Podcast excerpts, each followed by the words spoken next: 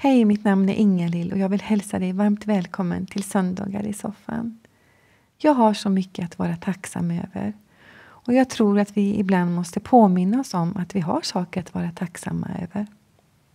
Jag vet att livet är tufft många gånger. För en del kan det verka extra svårt. Men även när det är jobbigt så tror jag att det finns en vikt i att se att det finns saker att vara tacksam över. Att vara tacksam, det gör någonting med oss. Och Jag skulle vilja läsa en tacksägelsesalm och det är psalm 100. Ropa till Herren, hela jorden. Tjäna Herren med glädje. Kom inför hans ansikte med jubelrop. Tänk på att Herren är Gud. Han har gjort oss och inte vi själva till sitt folk och får i sin jord. Gå in i hans portar med tacksägelse, i hans gårdar med lovsång. Tacka honom, lova hans namn, för Herren är god. Evig är hans nåd, från släkte till släkte varar hans trofasthet. Herren är god och Herren har omsorg om dig. Och Låt oss påminna oss om att vi har saker att vara tacksamma över och lita på att han är en god Gud. Ska vi be tillsammans? Herre, jag tackar dig för att du är med oss både uppe på bergen och nere i dalarna. När det är bra och när det är jobbigt i våra liv så är du med oss och du vill hjälpa oss. Och jag tackar dig för den tryggheten som vi har i att du är med oss. Du har lovat att vara med oss varje dag. Och vi får vända oss till dig i tacksägel och säga Tack Herre för att du har omsorg om oss idag och varje dag. Vi får lägga våra liv i dina händer och vara trygga där. Så jag ber Gud, välsigna var och en och hjälp oss Herre att se på det som vi har runt omkring oss och vara tacksamma. Amen. Du är densamme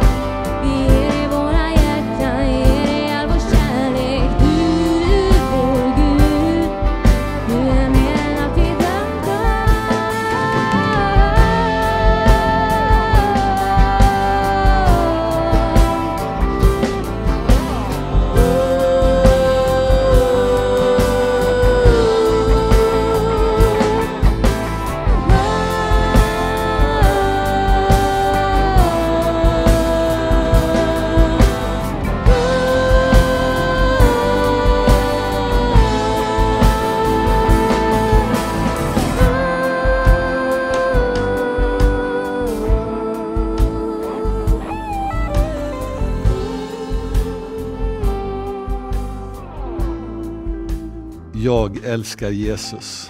Man kan inget annat än att älska Jesus för han är bara så underbar. Jag förstår att människor inte vill ha religion när man pratar om, om, eh, om Gud. Så är många aviga till religionen. Men eh, jag förstår inte att man inte vill ha Jesus. För Jesus är det mest underbara, fantastiska, ljuvligaste som en människa kan möta. Han är den som har skapat oss, han är den som vet hur vi fungerar och han är den som vet vad vi behöver. Jag skulle idag vilja lyfta fram tre korta exempel på människors möten med Jesus. Och det första exemplet är en man som heter Sackeus. Han är chef för tullen i, i en stad som heter Jeriko. Och som eh, tulltjänsteman under den här tiden där romarriket eh, var, var makten som hade greppet över Israels folk så är Jeriko illa ansedd av sina landsmän för han har egentligen sålt sin själ för pengar. Han eh, tar pengar från sitt eget folk och ger det till romarna och han är minst sagt hatad. Det är nog inte lätt att vara i hans kläder, även om han tjänar bra, han har ett bra liv rent ekonomiskt, så är han isolerad. Han är eh, som sagt illa ansedd. Och någonstans så skaver det nog i honom. Han har hört talas om Jesus. Och han är ju nyfiken och han vill veta vem Jesus är och vad denne Jesus säger, hur han agerar. Det är bara ett problem. Sackeus han är alldeles för kort. Han är en kortväxt man, beskriver Bibeln. Så han får en lysande idé och det är att klättra upp i ett träd där han vet att Jesus kommer att passera tillsammans med sina lärjungar. Så sagt och gjort, Sackeus han klättrar upp i det här trädet och han, han väntar. Och eh, den här väntan, den förvandlas i, i, i någonting som han inte hade förväntat sig. För vem skulle förvänta sig att Jesus skulle stanna precis under honom där i trädet och inte bara stanna där utan vända sin blick upp mot Sackeus och tilltala Sackeus som ingen annan tilltalade under den här tiden. Och Jesus vänder sig till honom och säger Sackeus, kallar honom vid namn för det första. Sen säger Sackeus, skynda dig ner ty jag måste komma och stanna i ditt hus.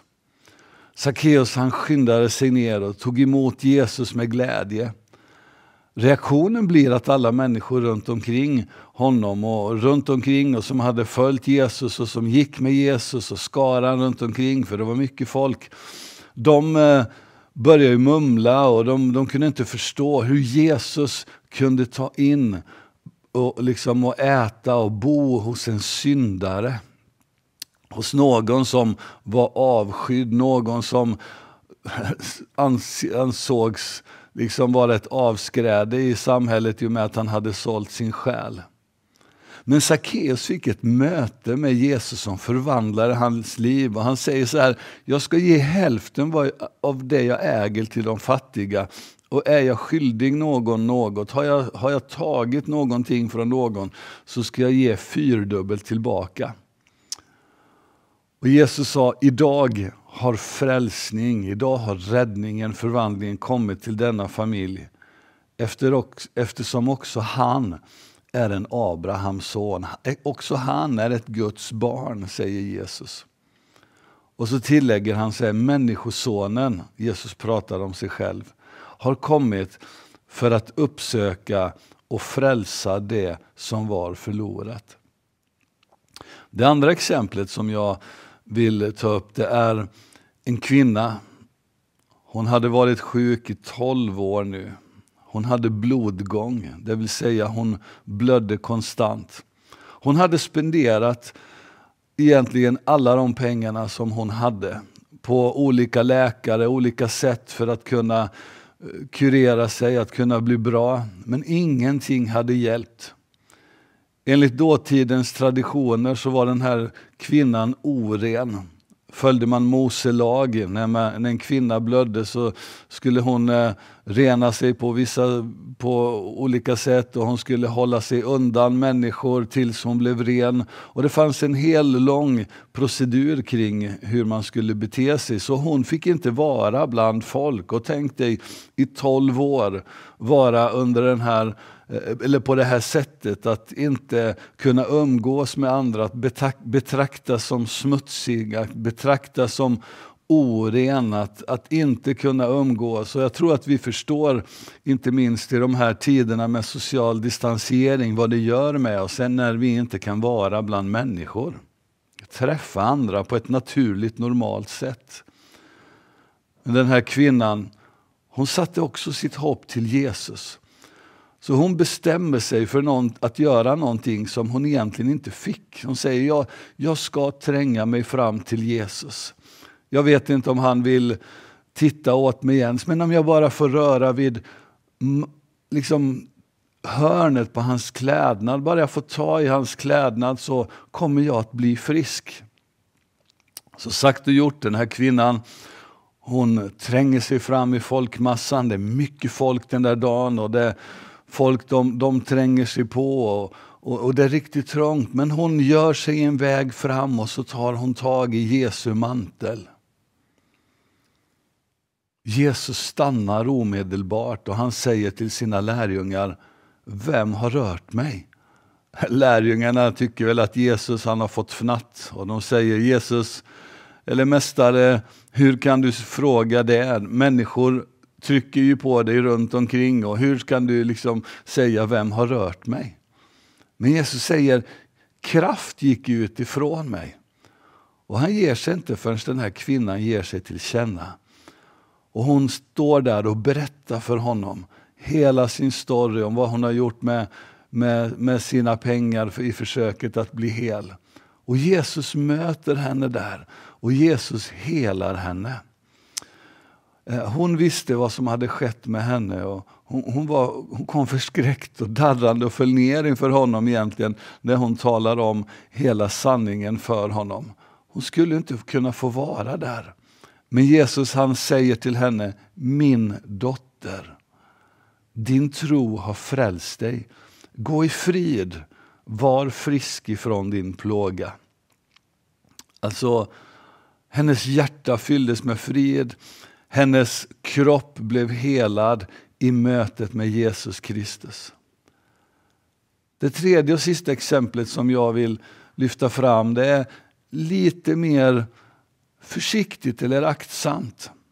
Det är en man som heter Nikodemus. Det som är intressant med honom är ju att han är en, en ledare bland ledare i det religiösa samhället. Han är en av dem som har läst skrifterna i många år. Han har studerat mycket och länge och han har lärjungar omkring sig. Och han finns med i ett sammanhang där man faktiskt vill få bort Jesus. För Jesus utgör ett hot mot den religiösa eliten. Han har många gånger riktat sig mot dem med skarpa, i skarpa ordalag därför att den religiösa eliten la på en massa lagar på folk och en massa måsten och en massa saker som gjorde att, att folket de, de fick bära tunga bördor i, i försöket att, att följa de religiösa reglerna. Men Nikodemus han har också hört talas om Jesus givetvis, men han är nyfiken på ett annat sätt. Han eh, låter inte bara kritiken och liksom det som, som av eller, eller skjuter bort Jesus vara det som finns i hans liv. Han går bortom detta och han, han inser att det finns en nyfikenhet i hans liv som grundar sig i, ett, i en hunger och en törst efter sanningen. En hunger efter att få veta vad som är rätt och riktigt och en hunger efter att få möta Gud. Så Nikodemus han, han eh, söker upp Jesus och det är ett speciellt möte för att det sker om natten. Bibeln uttrycker inte det liksom eh, explicit, men vi kan förstå att det här mötet sker om natten därför att Nikodemus är försiktig. Han har den här ställningen att, att, eh, att liksom vara försiktig om. Han, han, han har sin position och han vill inte utsätta sig för märkliga saker så han söker upp Jesus på natten. Och han kommer till Jesus och säger Mästare, vi förstår att du, att du kommer från Gud, annars skulle du inte göra det du gör. Och Jesus riktar sig till Nikodemus och säger följande, Nikodemus, du måste födas på nytt för att komma in i Guds rike. Nikodemus förstår inte den här frågan och säger, men, men hur ska det gå till? Ska, menar du att jag ska liksom komma tillbaka i min moders sköte och födas än en gång? Hur ska jag kunna göra det som gammal? Jesus tittar på honom och säger Nikodemus, du som är en, en lärare bland Israel och du förstår inte detta. Och så förklarar Jesus för honom att när han talar om, om, om ett, en pånyttfödelse, att födas på nytt, så handlar det inte om en reinkarnation. Det handlar inte om en fysisk födelse heller, utan det handlar faktiskt om att hjärtat får bli helt på nytt igen. Det som är så trasigt i alla människor och det behovet som finns att få komma till sin Herre och skapare Gud själv och låta honom forma om vårt hjärta, göra det på nytt. Och det är någonting som bara Gud kan göra. Så Jesus säger till honom, du måste födas på nytt av ande och vatten. Du måste födas på nytt av Gud. Det som föds av köttet, det är kött. Det som föds av människor, det är människa. Men det som föds av Gud, det är gudomligt. Och vi förstår utifrån andra texter i Bibeln att Nikodemus fick sitt liv förvandlat också. För senare i Johannes evangeliet i de sista kapitlen, när Jesus har dött så, så ser vi hur Nikodemus finns där vid korset. Han finns vid, också vid begravningen. Och det är tre exempel på människoliv som har blivit förvandlade av Jesus. Och jag kommer berätta för dig eh, om vad Jesus har gjort i mitt liv i, i en annan söndag i soffan. Men det viktigaste är att du och jag behöver ge Jesus plats i våra liv för att han ska kunna göra det som han vill göra. Han tränger sig inte på, utan Jesus kommer i kärlek till dig och mig. Bibeln säger så här i det som vi kallar för den lilla bibeln. Ty så älskade Gud världen att han gav den sin enfödde son. För att var och en som tror på honom inte ska gå under eller gå förlorad utan ha evigt liv. Inte kom eh, Jesus för att döma världen utan för att frälsa den.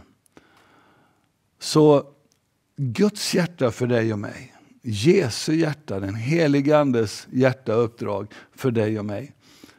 Det är att upprätta, att hela, att läka. Och sitter du där idag och behöver läkedom för, din, för din, eh, ditt hjärta, din ande, din själ eller din kropp så finns Jesus där för dig för att förvandla dig, för att ge dig sitt liv, sitt hopp, sin framtid. Och Jag vill eh, be en kort bön för dig just nu. Så där du sitter, där du är, bara lägg din hand på ditt hjärta. Slut dina ögon och låt mig få be för dig den här dagen. Himmelske Fader, jag ber just nu för den som sitter med handen på sitt hjärta. Du vet de behoven, du vet den längtan som finns där. Och jag ber Herre, du som är allestädes närvarande, du finns också vid den skärmen, du finns i det rummet hos den människan. Och Jag ber Herre att du ska komma just nu med din närvaro. Från huvudet ända ner i tårna. Bara kom med din underbara närvaro, med din läkedom, med din frid, med ditt hopp med din kärlek, med framtid. Och jag tackar dig Jesus för att du, du låter din kärlek verkligen flöda över just nu. Och tack Herre för att vi får vända oss till dig. Vi ber så och vi tackar dig. Amen. Kom nu ihåg min vän att Jesus älskar dig och att precis som Jesus mötte de här människorna så möter han också dig. En sanning som är evig. Det finns ett löfte om vad som kommer ske. Det finns en som föddes för vår fred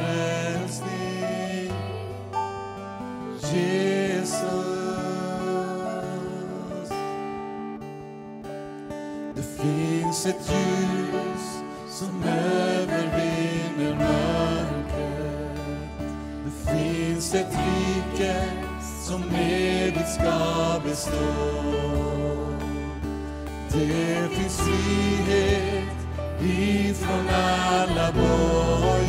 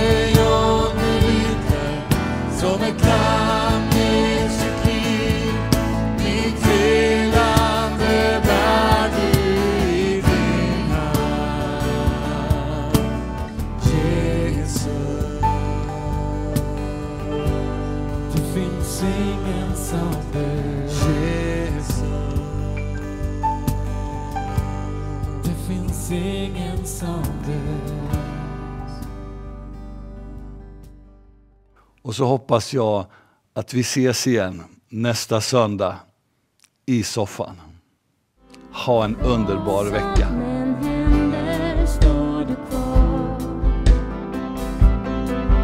som skapar